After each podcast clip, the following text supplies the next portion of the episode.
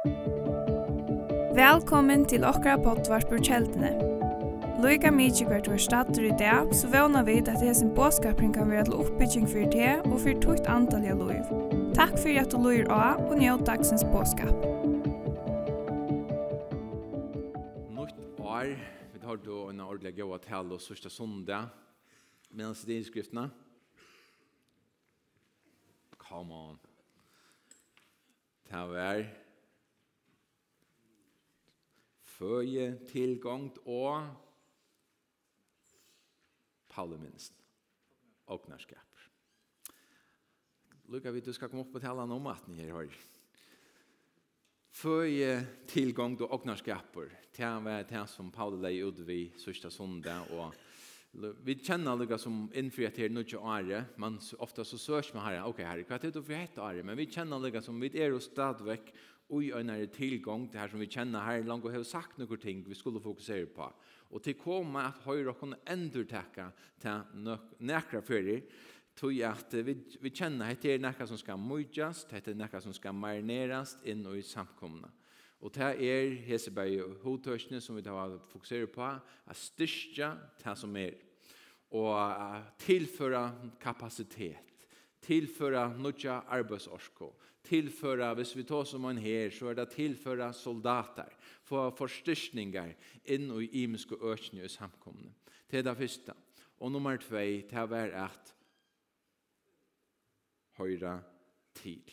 Jeg vet ikke om det er lurt, jeg tar ganske det gjøre, men det er utrolig nek i utvarspen noen, eller i tøyne, noen for tøyne, om folk i førjen, og det er tøyne nek om ungdom, og her som det vi fokuserer på, ja, men ungdommen har bruk for lukka som sted, de føler seg utenfor, det er et øynsomme, man føler seg ikke høyre til, man føler seg ikke tilhøyre nekker, man er ikke pastor av nøkron. Hoks bare, det er akkurat det som vi da tar som nå i kjøtt, åt år, at uh, det er en sånn tøtning av mye, at her som vi der, at folk føler seg høyma, folk føler seg vel, Og det er okkara bøn her i kjeldene at alt vi som har hettet som okkar i heim, vi skulle føle at vi høyra til.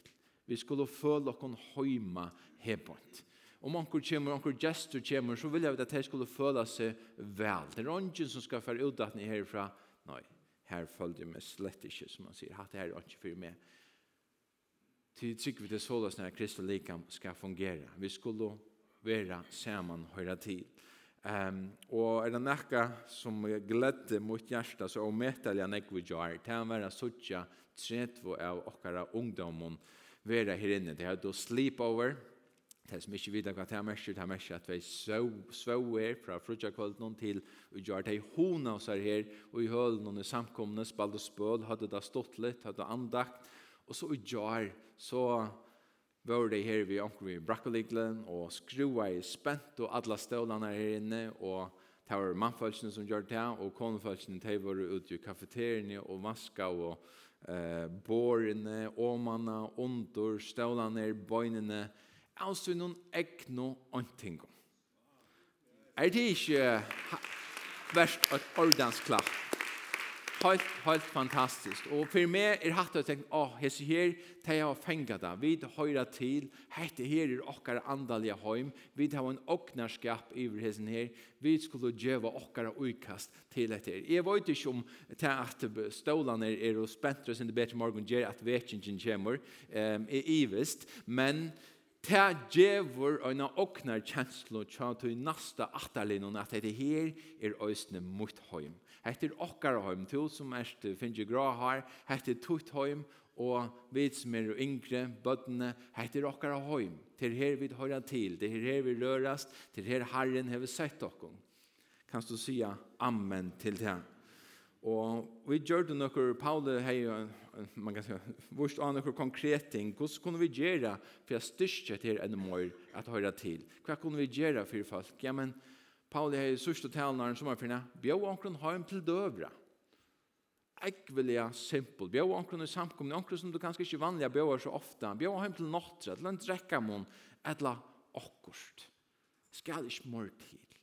Det er oss ni det er oss ni sted her som vi ikke, du skal høyra til. Du skal, det er kanskje ikke alltid lukka lagt å komme ødlån vi en sånn her morgon, til vi der som nek, hvor det er så størst, men ut i luttla fellesskapen, her kan kom komme og synde tattar, døyla løyve og en synde møyra personlig plane. Og en fortsett fyrir at dette skal rigga til at du ræfester husbalken. Og alle husbalkalegaren sier då, amen. Man røyner å finne datum. Nei, ok, kom ikke. Hva er vi hesson kvall? Nei, tog jeg være i sjauskapen. Ah, ok, hva er vi? Nei, bindeklubber. Ok, hva er vi hesen? var ikke noen følelse rakta. Jeg var sikkert at det er sosiale tingene til slett her. Men vi kvørst er det rævlig strav over hos på der folk ikke rævfestet det. Amen, Ranva. Til vår skal ta oss jo. Amen. Halleluja. Nå, men det er ikke alt dette jeg skal ta som det. Jeg husker bare gjør en oppsummering hver vi der. Um, jeg atler at ledger ut vi og noen uh, uh, ta år som kom til okken den 8. januar, da vi var sammen her på enda noen.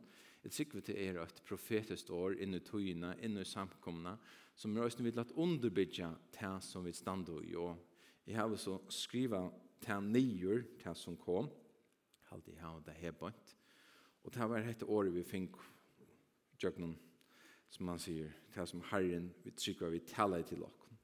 Sten så løsner, jeg gjør til dere mulighet, sier Herren til det var stegi vi hetta loftet i fløyre år, loft av vøkstre. Fer etter fer, så renner tid tikkun ui loftet. Men jeg til tikkun nu en mølaga, sier Herren. Tikkun og spronja hetta loft. Det som er ikke av tikkum, for at tid skulle kunne spronja hetta loftet, er det at tid vilja det. Det at tid teka aktiv stig smodja ermanar upp og vilja teka eika tøk. Ty vøksteren, han krever harst arbeid. Og jeg har givet tikkun kraftina. Jeg har givet tikkun alt som skal til. Men mun spurningur til tikkun nu. Vilja tid, sier Herren. Og jeg trykker vi tar vidt få profetiskt år så kunne vi først og fremst døme om det. Er det et profetiskt år eller ikke? Og tås av Paula, tås av Olaur om dette, og vi er jo alle samder, og vi trykker at det er noe som Herren taler inn i togene til samkomne. Og det er også noe ut fra tog som vi kjenner. Vi langer frem og undan har vært tåsa om, eh, og Herren bare kommer vi og underbygger at vi hava veri vi hetta loftet, vi hava tås om, vi innskja at samkomman skal færa enn langer. Vi hava nok av sidoplåsen inni her til at flere mennesker kunne veri her bant. Og til lukka som hette her lofte, hette her tætje, som akkurat som man lukka som benka seg opp. Oi. Og, nu, og så får denne sånne halsan, ja men, tid kunne spronja hetta lofte om tid vilja det. Og ta i Herren gjøre profetiskt år. Vi det kan være tvärsyra av tog. Et profets år kan være tog at Herren heter 100% nekka som Herren vil. Og han sa kvart som hender her nere i hjørnet, så gjør jeg det. Så gjør Herren det tog han vil til. Han atla til. Til dømes han sendte Jesus till den hem. Det er ikke noe värn som kunne stekke tog. Han er atla Jesus. Han ble profetera. Man kan säga først finner i kapittel 3 i Bibeln. Og så ekveljane, tøyligjane, søttene, med landa i Jesajas og så videre. Jesus vil det. Men så er det øsne profetier som heva treider ved seg. Og det merker at Herren, han sier et år. Og om vi takker etter året til okken, og gjør det som han sier, ja, men så kommer et året, jeg gikk Gud. Men vi kan nøysene velge å si, hva skal jeg? Nei, ok, vi vil ikke lukke som hans her treidene som du setter godt ok, sier herren, så får det heller ikke at genge ut. Så, så spurningen her, hva gjør vi vi heter her året? Her i begynnelsen av åren. Og som jeg sier personlig, så trykker vi at dette her året eh, er fra herren, og talene i det er også noe som inspirerer ut fra tog. Og i atleie at innløyer vi affæra til Jakobsbrauet, kapittel 2, og vers 16 til 26. Det er nokkur samanhengande vers her som jeg hugsa i at uh, leggja ut vi her i dag. Og uh, det stender såleis. Såleis vi trunne øysene. Hever hon ikkje versk, er hon deg og seg sjálvar. Men nu sier onkur, tu hev trygg, og jeg hev versk. Vis meg trygg tøyna, utan versk, så skal jeg av verskom munnen vise til trunna. Tu trust at god er øyn, det gjerst og bort. Hinner ytlo andar trygg ta vi og sjelva. Men vil du vita ta, tåma menneska, at trykven utan versk er øvnøyt. Abraham fær okkara, var han ikkje rattvistgjørdur av verskum, ta han offra i sonsun Isak av altaren. Tu sarst at sikvin virskai saman vi verskun hansara, og at vi verskun, versknun var sikvin fullkom. Og skriften gikk ut som sier Abraham true gode, og ta var rokna honom til rattvise, og han var kattlaver vinergods til suttja at menneska veri rettvistgjørt av verskom og ikkje av trygg øyna. Av samme hatt Rahab skøtjan var hon ikkje rettvistgjørt av verskom ta hon tåg måte sendemånen og lette færa bort er, færa bort ærløy. Ja, ånds og likame er dett utan anda, så er òsne tryggven deg utan versk. Jeg fikk åkt amen. Halleluja. Hette her, vil du lære som han har sagt, hette her er hørtal. Hette er rettelig hørtala. Han er nok så svarskvøyder. Han spusja tingene og synder til Hebont Jakob. Og jeg skal vende atter til dette her, men iveskriften, hon spretter ur hessen her sammenhengen som er det. Og det er virkjen trygg. Er okkara trygg virkjen trygg etla er hon overstjen. Uff, Bigve, du legger hardt ut her nu jarna. Er hon on, eller er hon off? Tendra, eller er hon sløkt? Gundi òsne sagt, er hon aktiv. Arne færre vujar er jeg har vendt atter til uh, teksten uh, Jakobsbraunen, så hoksa jeg lykke at uh, nevna nøkker ting som vi takka vi i tog som vi kallar oppfylging. Vi har var ett, jag vet inte vad kallar vi det? Det ska ofta säga program, men vi har var en undervisning till folk som är nudge utrunne, unge utrunne, Her som vi vilja loja deg i djøknon, åtta undervisningar som styrker kvann anstakkan og utrunne. Og vi tar vi i djøknon der vi iver 20, til taberar og få mormor, vindu seklene, Eh, her er det nøkker av tøymon som i jøknon her sier Arne vi har haft det. Er utrolig fitt, ung menneske. Nekka av tøymon var aktiv her i jar, og nekka vi ble løyere siden her kom nu jøkn. Så vi sutja veljan, hette her gjer nekka fantastiska godt vi hese her menneskene. Eh, og det første som vi tver i jøknon, det er det som er det frelse og vissa. Hvordan vøyde at jeg er frelster? eller frelst. Hvordan vøyde det her? Og i tog undervisningar parsten så tåsa vi om fem ting, fem visser, fem sannløyger som tog vi visst så kanst heva ta i to blivur en krist. Og den første sannløygen til det at du vil gå til. Kanskje ingen annan legger nekk ut i her hjørne, men feiren han gå til. Til det ständer at jeg har jo ångan i min bortur som kommer til moin sier færen.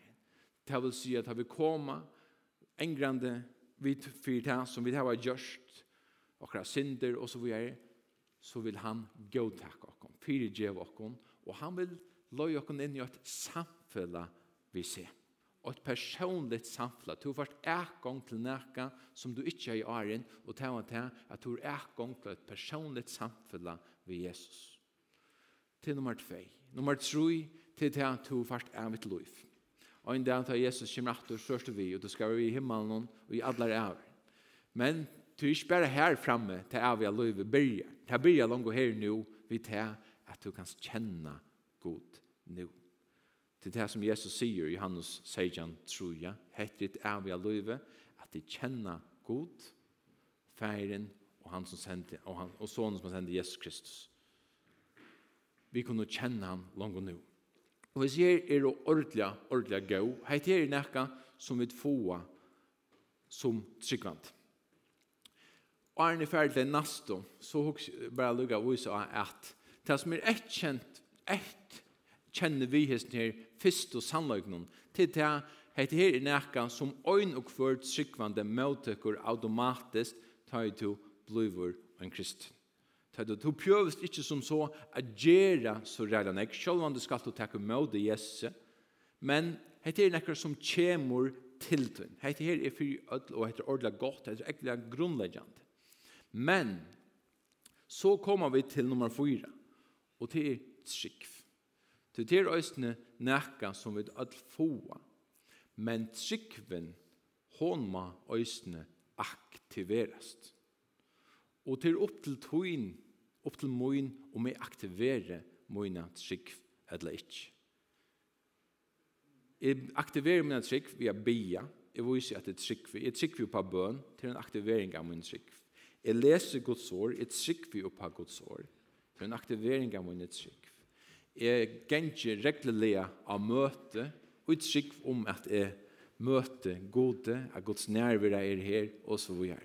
Alt okkara kristna loiv er et loiv vi trygg. Så vi tåg om at Jesus vi trygg. Til nekka som vi alle tunna må halda aktivt.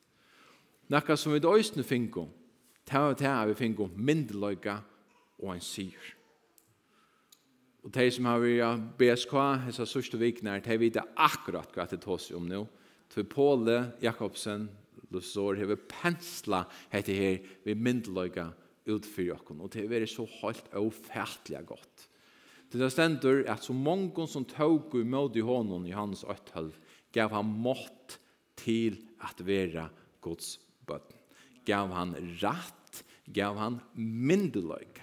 Tove finns en av oss myndelöjka som tryggvande.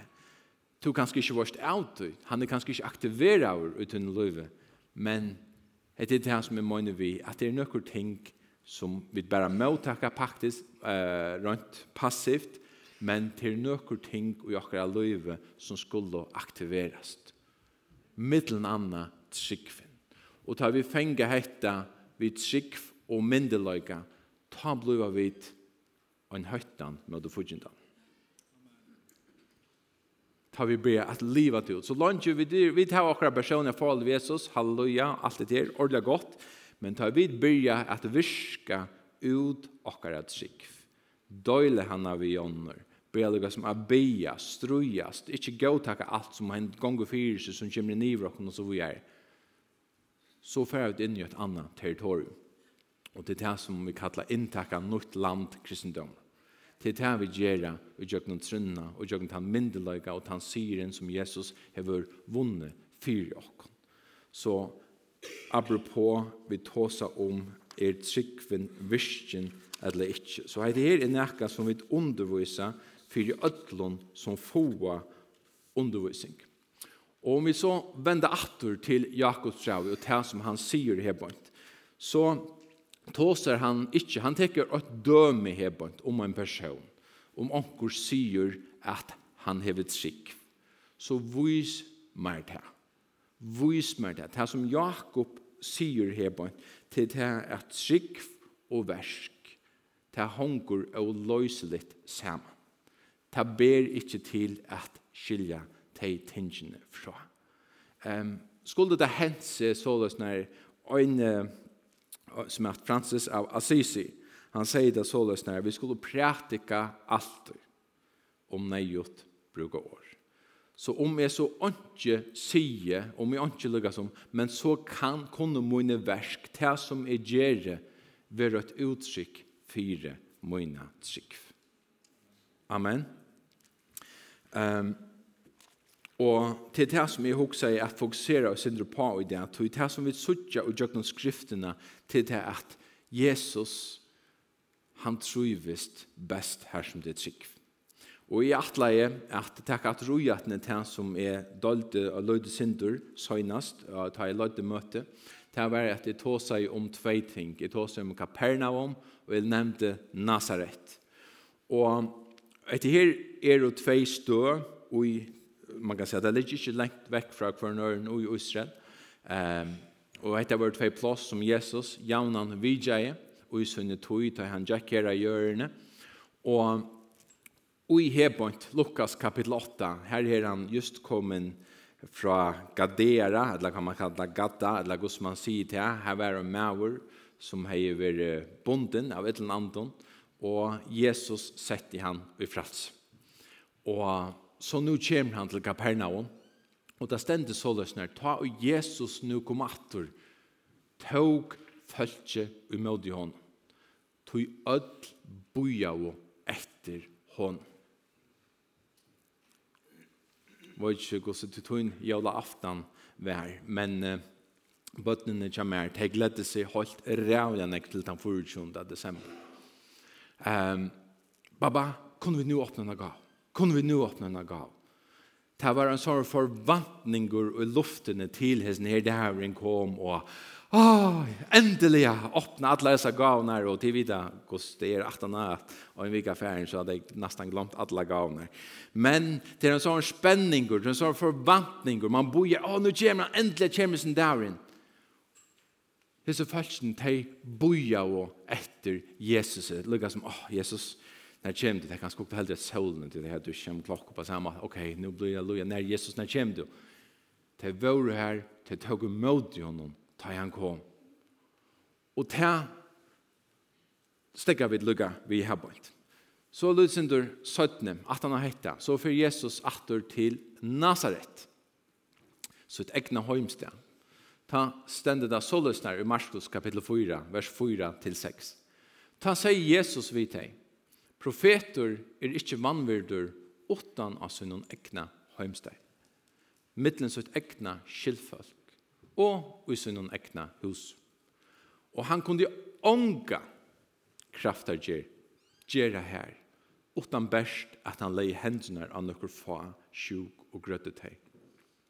Og han undreist av vantrikt hørra. Så igjen ferjast han om i bygden hon her, rundan om og lærte. Så vi hava her, man kan si at tvei tvær hendingar. Vi tar vi mennesker å gjøre i barnstånd. Og jeg sier her, menneskene til møte Jesus oppa imska mat. Og i Kapernaum har vært omkvarvi av trygg og forvanta. Og vi har ikke tog for jøkken til men det som hender etterfylgjande i Lukas kapittel 8, til det at denne kvinnan som hei vi sjuk og i tølv år, kom og nem vi falten av klanen. Nem ikkje vi Jesus, men bare vi, vi, vi falten av klanen og tjånen. Og hon blei spontant grøtt. Og vi suttja her ser døttjene tja fyrst og mannen synagogene tja Jairus at hon var deg, men at Jesus røyser henne opp til liv. Det er ikke tryggven tja dødsene tja Jairus som røst henne opp. Hun var jo ståndeg. Hun er ikke mulig å trygg. Men her var et omkvarve, et felaks, et kollektivt omkvarve av forvantninger. Jesus er her. Jesus kan gjøre noe som utløste en troer atmosfære her som mektige krafter gjør kunde hende det vil si at følgene hadde bøgnløs avvarskan vi til at de aktiverer tror ikke at den grønne knøtten nu er Jesus her, nu kunne ting og sætjer henda. Fantastiskt. Utrolig at troer styrkjande. Hva at Jesus kan gjøre og en slukar atmosfær og en slukar omkvar. Men til nasta lukka så fantastisk som det er, så er det nasta lukka trist det motsatte.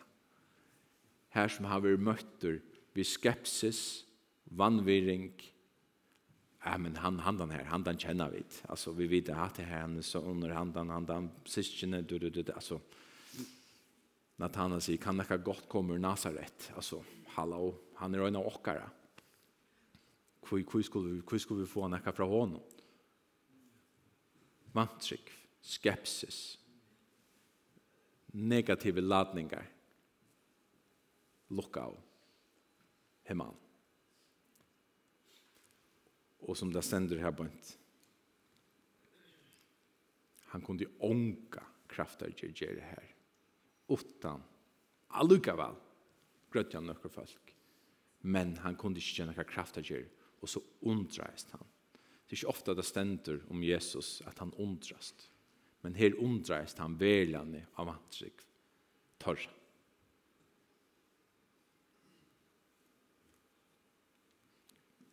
Hvert møter Jesus da han dukkar opp i kjeldene skala fyr. Hvert fyrir atmosfæra vilja vit vera vi til a bytja her.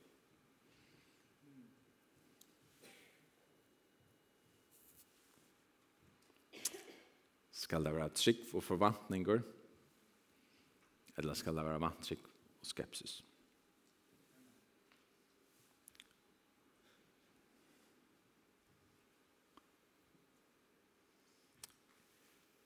Mot ikke er trygg og forvantninger. At mennesker skulle si, ja, men jeg må være kjeltene, det her hender alltid ting, ting, ting i kjeldene at det handlar ikke om altså, at vi reipa av hver vi er og, og hvert og hvordan, men vi viser av hvert Jesus kan gjøre. Og her som tvei eller tro er sauna i hans navn, her er han mitt i mitt.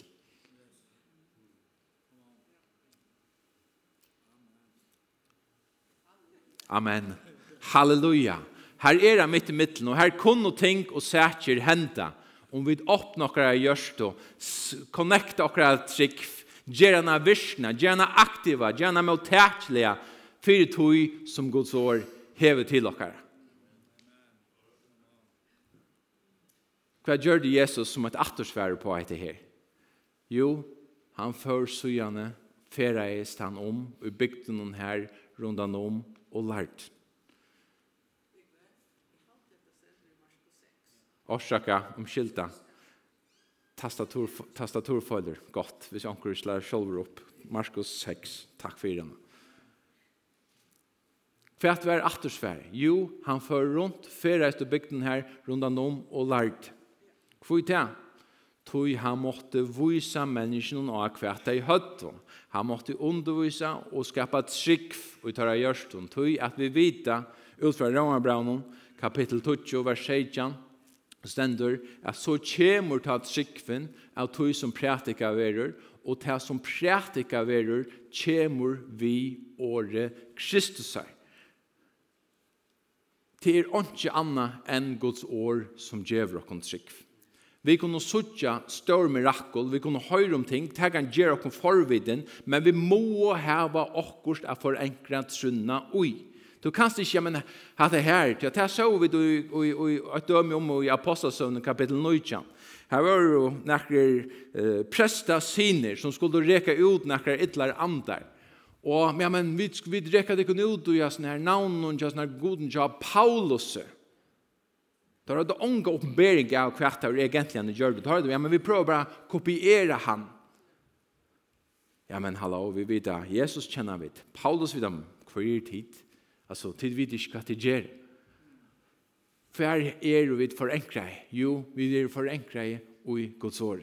Och en av bibelläraren kommer här, bibelskolan i Sverige, inte minst han var bibelskolan till Kenneth Hagen och han också ja han var så trött han han har alltid drömt om att uh, se ett ordens mirakel. Han ville lukka som han för jag får mördsik. Och så ena för när så var en kvinna och rottelståle uppe i paddeln hon här och han stod bort framanfyrir og sa hese kvinna blå bittna fyre og hon får til gong. Og han tror hette her åtti av hans ra. Han sier at han var nesten møyr skuffar enn han var som man sier forvantningsfodler. Ai, tog han vant at det her, hvis han så, så mirakel, så får ta brøyd hans ra loiv. Men det gjør det ikke. Det var en fantastisk hending akkurat her å ta. Det er Guds år som brøyder dere til det vi forenkra okkara tryggvui, okkara eh, eh, til standpunktet som vi virka utfra. Um, så om du vil hava mora trygg, så måst du fylla det ved Guds år. Det er ingen annan shortcut som jag säger, ah, jeg er ikke tog, tog, jeg er ikke tog. Det er ingen annan shortcut. Fyll det ved Guds år. Amen. Amen. Og vi suttja fer atna fer kvosse god øsne sverar atter. Jeg husker bare litt da noen dømer fram her i skriftene kvosse god sverar atter til det som vi gjør. Um, og i gamla testamentet her har vi nekker hendingar mittel anna og i første kongabrok kapitel 16 her uh, er støvant han at til torskur og i Israel. Akab er konger, han er i øyne. Elias, han er profeteren som har stått himmelen. Og han er ved vi ånda kritt, raunan har givet noen eta, morgen og kvöld. Og nå blir god han kritt ved å ta den opp, og egen, nå blir han fredelen antjo og i sarepta. Og takk at vi er herfra. Og da han kommer til disse antjene, så kommer han til en antjo som er ferdig lukket som at taka det sørste av brenne vie til at gjøre så løyde bal, og så at han taka det sørste oljene og krukkene, og mjøle og i badlanen, og gjøre breibor styrt tog, og så sier han at han har hettar, så færre vi det lett okken at dodja. Kvart så, så kommer profeten, og i gamla testamentet er profeten Øystein Mauren som kom vid Guds år. Det var han som hørte fra gode og tala i Guds år inn i tjauer og Øystein inn i omstøver tja menneskjen. Og det stender så løsner i vers 13. Ta seg Elias Viana, henne, «Øttast ikk». Akkurat som man har hørt det her åkne for, «Øttast ikk». Det rører ofta, ta i halsene kommer av himmelen, «Øttast ikk». Jól evangeliet, øgnene koma, øttast ikkje, sui, i kundir dikon gleibo. Øttast ikkje, høytsan fra himle, øttast ikkje. heim og gjer det til som du sier. Gjer mer best fyrst og et lyde brei av tøy og kom ut til mun vitøy. Sujane kan du gjøre det her og syne tøy noen nekka til. Og sier Oliver Tås, Elias, hørte du ikke akkurat hva det sier? Vi tar det bare etter her luttla etter. Vi hadde å bære lokken sjolve. Men det ender ikke her. Toi, så sier Herren, god Israels, mjølkrukkan skal ikke være tøm, og oljan skal ikke være oppe og i kryssenen, loika til han det, og i Herren gjør regn av hjørnet. Og et Guds år kom til henne.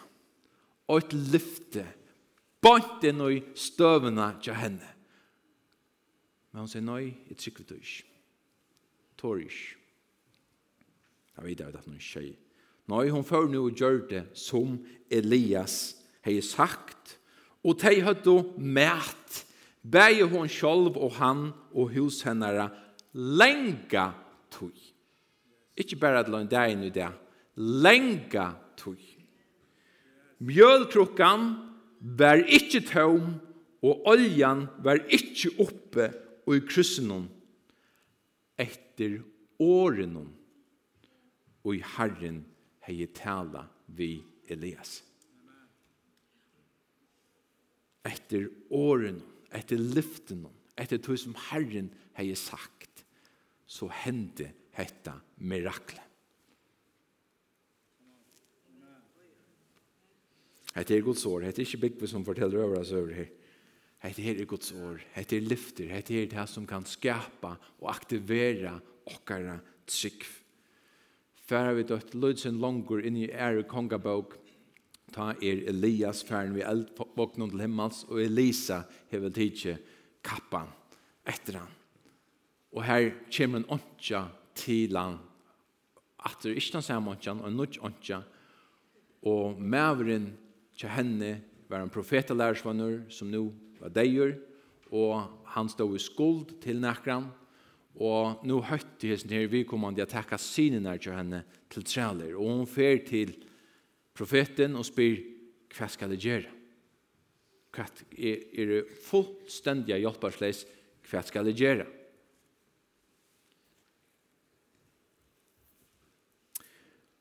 Og Elisa sier vi henne, i vers 3.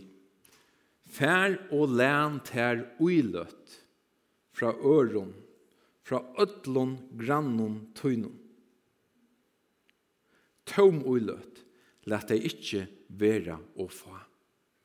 Tøy enda konan, hon var så utrolig fatøk. Hon heie bært her som hon var ui, og hon heie øyna krokko vi olje. Og han blir henne færre etter uiløtten. Og så sier han, Færs du inn, les ditt nær etter tær og sånn tøynen, og hedd oljene og i ødel og i løtene. Så kvørst som teier og fotl, skal du seta teg fra tær. Hon tog årene fra godsmannen og søgn. Hon får etter som krukken hon, og hon heldt i olje ut i øyne, til nasto, til trio, hessa lutlo oljena som hon heja etter kjassa sjálvari helt jo ui. Og så sier hon, sier sonen derfor, nei, nu er han ikke etter. Å, oh, ok. Så får han godsmann kvart sånn, fær så og sel oljena. Folk har bruk for hessene, og for pengene som hon fikk 84, fire, så gav hon det som hon skilta her, og hon kunne genga fru. Ator og en totalt vånliga stöva. Hon går också, men Oliver Tos, Elisa, alltså hallo, är det bara en, en liten droppe efter och så kropp. Hur hur blir du med Jerry här? Hetta Jerry's morning. Hon lustar ju efter tog som är sent till sin hända man. Hon tog Guds år för det som det var. Och hon handlar ju på andra utsikv och vi suttjar åt mirakel. Hvis vi færa i Nudja testamentet, hitje etter Lukas kapittel 5 og vers 4-6. Her kunne vi godt slå opp. Det her snur seg om Simon Peter og lærersvennerne som var fiskemenn og tar det vi ut om alle nottene og fiska og åndsje finnes. Purage. Så stendte fra vers 4. Ta i han, Jesus, helt opp hært at tala, sier han ved Simon. Legg ut av han dype, og set ut gødntikkara øyna set. Ta sværa i søymen honom. Mostare, vid hava rønt adla nått, og åndsje finns. Vi gjør nåren, hallo, her er, her er snegg håndta.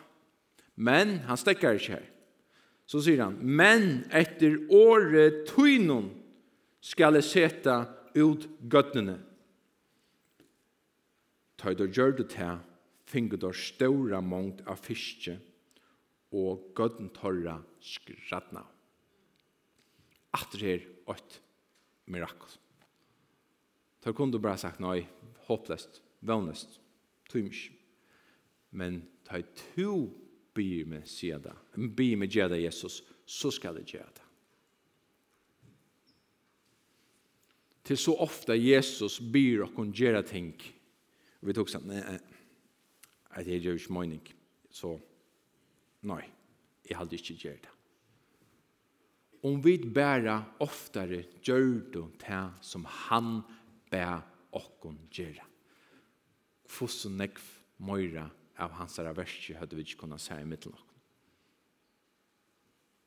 Tås løgene til meg selv. At vi får en tanke om Vi tog så, ah, nej, nej, nej, nej, nej, nej, nej, nej, nej, nej, nej, hatt det her for crazy. Kvært nu visse til han Og det potensialet som ligger ut i det er brøyting, det kan være for te, eller for et annet menneske. Tog to gjerst og en lutla handling. Tog han sier det. Han sier det. Jesus kommer aldri å gjøre, be og kunne gjøre noe som gjør at vi kommer i offer. Alt vi kunne blå sin utstidleie kanskje, men hva for pris vil du betale for dine trygg? Hva for pris vil jeg betale for mine trygg? Men vi sitter her, Guds attersvær oppa trygg, fører øle ofta nekka størst visse.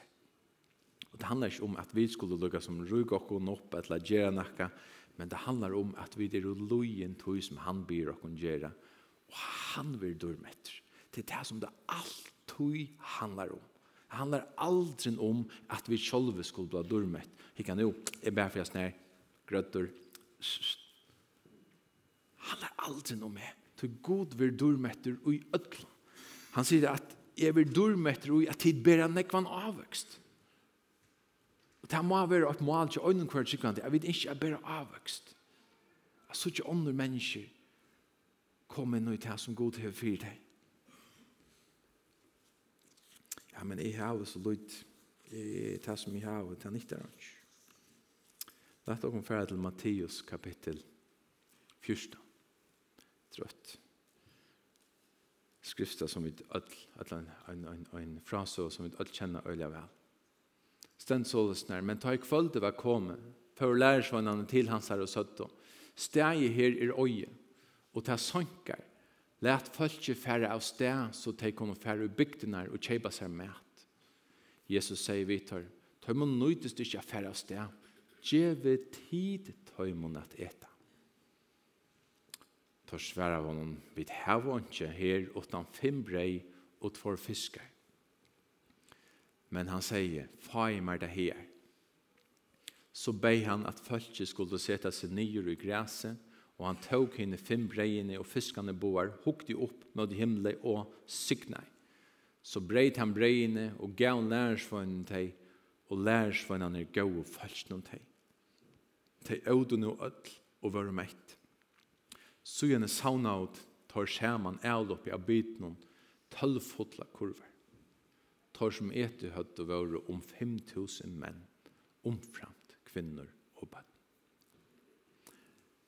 Hendan frasåan er en av de favo som er nevnt i øtlom fyra evangelien. Og vi vet at det var en smadronger som, ut fra henne evangeliet, at det var en smadronger som kom og sa, hette det som jeg har videre, hette mapatjen, fem brei, två fiskar. Jesus testar lärs för dem. Ge tid til dem etter. Det er som ditt hava, gjev dem det. Vi, det hava ikke. Hva er fem breit for fiskar? Oh, kom her vi til tikkum, gjev meg det, skal du vise deg. 5.000 menn, omframt kvinner og bøten, ble mett Så kvosse lydde det som du hever er om du gjev det til Jesus. Om du gjev det til Jesus. Jesus så kan han gjøre det øye størst. Og til sikning for det sånne menneske. Null ganger en million til null. 8 ganger en million er en million. Sier ikke at dette er i sender Bibelen. men bare for å skilje, hvis du ikke gjerst, så først du ikke. Så hender det ikke. Til egvelig han er enkelt. Men, om du gjørst et lydest i. Legg det fram for herre. Og vi kvart suttja vid så utrolig lydig på oss selv. Ok, jeg vant til at jeg har et ammen her, men ta gjerra vi, om vi er ærlig, Vi suttja så utrolig han er nyer av oss selv. Nei, jeg kan ikke, nei, jeg do ikke, nei, jeg sier, nei, nei, nei, hæsing, men jeg, nei, nei, Vi kunne så nekv som Guds bøten. Vi kunne så nekv som Guds bøten. Amen. Tog vi da finner høylig andan, vi da finner hjelparen, talsmannen, alløy okkom, vera vi okkom, til jo morgen. Nei, altøy, som en pant til Jesus kommer atter. Det sier, halleluja. Amen. Amen. Halleluja. Vi tar bruk for at aktivera akkurat trygg. Og det handlar ikkje om at av hver A og B kristen og to er nok sagt, mm -hmm, ja, sin det går. To, ja, ja, se.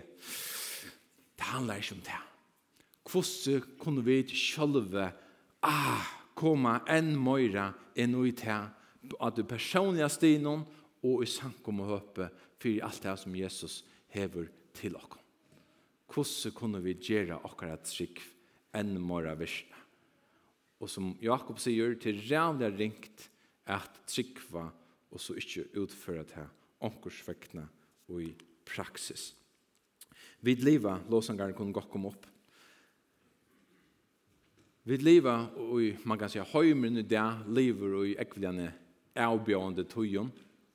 Um, Man kan säga allt tog ta i till okkor som händer i höjmnon som räkar pengapunjen till människan så reagerar människan så eller så. Och det är näka som händer i världen i det. Det är verkligen som man säger nygångstøyer, nekva stannes, og rente fer opp, mætverprøse fer opp, så i så måte er det rettelig dæport for nekv. Og du må ganske, som man sier, stramma synder upp av som hon örsen den löv. Du kanske måste lugga som tjejba ganska synder bojlar vörer eller akkurst. Jag vet inte. Jag vet inte hver du erst. Um, och så spårningren och i sluggen tojon. Vad gör vi som samkomma?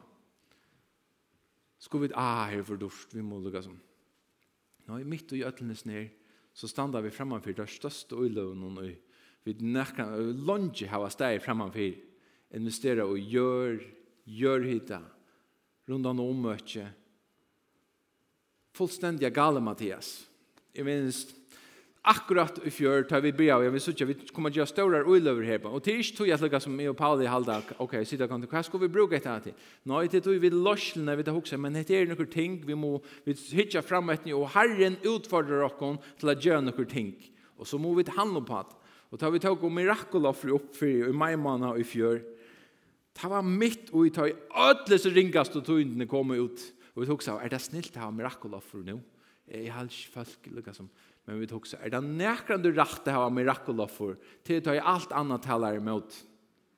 Tøy tablu det trygg. Om vi bare handla om, na, men nu ser det godt ut, nu færa vi. Om vi gjør det her, så, kommer, så har vi slags bruk for godt. God kommer alltid å og om langt. Jeg sier god kommer alltid å kalle oss langer enn hva vi selv klarer å gjøre ekne og styrk. Og tann der vi tok seg vi klarer til selv, så er det akkurat samme pakka samme. Og til til han strauna til vi standa og i åtte noen alle tøyna. Åh, herre, jeg klarer ikke. Herre, jeg klarer ikke. Tar det tøy på at vi aktiverer okkara trygg. Vi må gjerne visne. Lykke som jeg vet, og i løsene som vi dødl. At vi gjør det sammen. At vi har et kollektiv. Ikke tog inn og tåsa man om at det er ikke noe som er noe sektaristisk i vresen eller noe. Men vi har bare sent her. Ta vi ødel gang i takt. Ta vi ødel lukket som gjør det sammen og sen. Slå det sammen slag og sen. Ta gjør det så jævla nekmere kraft. Og nekmere effekt. Amen. Halleluja. Halleluja. Og vi gjør det ikke i okkara anda, men ut i anda som vi fink søtna Timotheus. Det skal være det kanskje det sørste verset, ja. Sier han så løsner. To er myntor, Paulus tåsa til Timotheus, to er myntor om trunna som ut her er. Måste gjerne spela han seg. Tog er myntor om trunna som ut her er og som fyrst bo i Lois omotøyne og i unike maurtøyne. Trygg som ikke er best øyde. Vi gjør noen en aktiv trygg, en virkjen trygg. Jeg er viser ui at hon bor ut her vi. Tui minni er til å. At du kvøyter atter til nøye gav og gods som ut her er. Vi handa, vi anlegging handa møyne. Tu god gav okkon ikkje anda mødløysis, men anda kraftar, kærløyga og siprøyis til tann anden som fører okkon fram. Og et skriftsted som overfyllt kjelden jo nekvar til at vi alt det som er født av gode sikrar høymen. Og hva er det som sikrar høymen? Trygg Og det er han samme tryggven. Vi hans søgnast i elkjennan er sangen tryggven ber. Vi sunga han søgnast uh, sonda, Tryggven ber. Til hån som ber okkon og gjøknon. All fjöllene, alla delane. Ta det mågångt, så er det tryggven som ber okkon. Ikke den passiva tryggven, men den aktiva tryggven som knyter seg Det er veldig ofte da vi så gjør til er trygg ved en kærløyde. Tryggven vil alltid vise som et atje. Tryggven er et atje som helder oss. Det kan vi kommer være flott og løyde sint og løs der, men omgang det morgenvis så strammer det. Hon helder oss er rett her kaos. Skur røys oss opp sammen. Halleluja. Halleluja. Takk, Herre Jesus. Halleluja. Og tryggven hever til, hon ser at allan veien alt. Tryggven er at du teker til fyrsta stige, og så setter god til under til fot som skal være her og loftet her. Og i tryggve, at vi som tryggvande vil ha bruk for det i alt for land, at aktivere hetta enn mors. Saman. Tog i tryggve, at vi skulle genga fram, hitja vi, vi hitja så nekva stanes og sutja gosse kristne. Nu blir det tåse om jeg sutja onkur tjekk om minnelodar og alt. Ja, men om tret var gosse vir kristendommen en sånn orla løy til minnelode tui at. Det virker som om at det som djevelen seg ta gonger nu tar det tui ikke røysok Hvordan vil jeg vil suttje framtiden? Hva vil jeg vil suttje her? Altså, skal, skal det være delande som, som de eldre, man kan si, om Jesus ikke kom natt, så er det faktum, så færer vi til høymannen fra. eh, høymannen fra. så færer vi henne fra. og en del. Det er bare så. Og skal det så minka for hver jeg finner og en flytter hjem til herren. Håper jeg til for å si nøy. Nøy, tvørst mot, vi skulle vekse. Nøy Vi skulle växa! Amen! Tog Guds rujtje ska gänga fram. Halleluja, färg i himlen. Färg vi bia värstande färg. Fyra att du kommer nu, Herre Jesus. Tillgång någon stackaren, Herre. Och to utfräs ner båskap i Herre. Utfra till någon året, till någon lyfton, Herre. Kvojtjur, Herre. Attor trunna, Herre, som bor i oss, Herre Jesus. Och inte så att du säger här, vi, du var myntor och trunna, tja, Loi, tja Niko, mammene tja Timotheus, og så sier du igjen, tog minne i det av, at du kvøytjur aftur til nøy gav og gods, herre, det som to er lagt, og ikke nekka som vi da var født fram, herre, men det som to er lagt nir i, hva nøystakkan er åkken, herre. Halleluja, fær, kora bara shandara, sada bara shandai, la bara shandara, sebera shandara, sadaya, fær, hjelp okken, herre, hjelp okken, herre, hjelp okken, herre, halleluja, halleluja, halleluja, Halleluja. Jeg kjente jo øyla tøylet, da jeg fyrrøyga med denne her, at jeg vil gjerne gjøre månen noen som er inne her i dag, og jeg møveløyga å komme fram her og stidlas. Um, til pura frivillig, du prøves ikke, hvis du ikke vil, men jeg trykker at det er mennene som skulle bære hese her arbeidene, av å føre trunna vojer. Guds år tåsar ekvila tøylet, er fire, jeg har sagt fire presen her, taler stål nå, at det er kvinner, janstå og alt dette her, absolutt, fyrir tøy, men i Guds rujtje, her har vi god sett nokkur ting. Han har sett mannen til å være høtte. Han har sett mannen til å takke arbeid fyrir sunnen huset andalega. Og jeg tykker vi en lykjel, hvis vi skulle vakk på et her rikke førjon, så må vi menn trakke opp. Jeg sier vi menn må trakke opp. Så jeg vil gjøre til her møvlaga her i det. Jeg kommer bare holdt stort, Paul gjør her. Um, bara lägga hånden åt. Du kan göra det som att bara tecken du vill vara vi till att bära detta här vojar. Du vill vara vi till att tryggven vill mer aktivera och i tunnon husarhalte och i tunnar familj eller kvar du nu erst.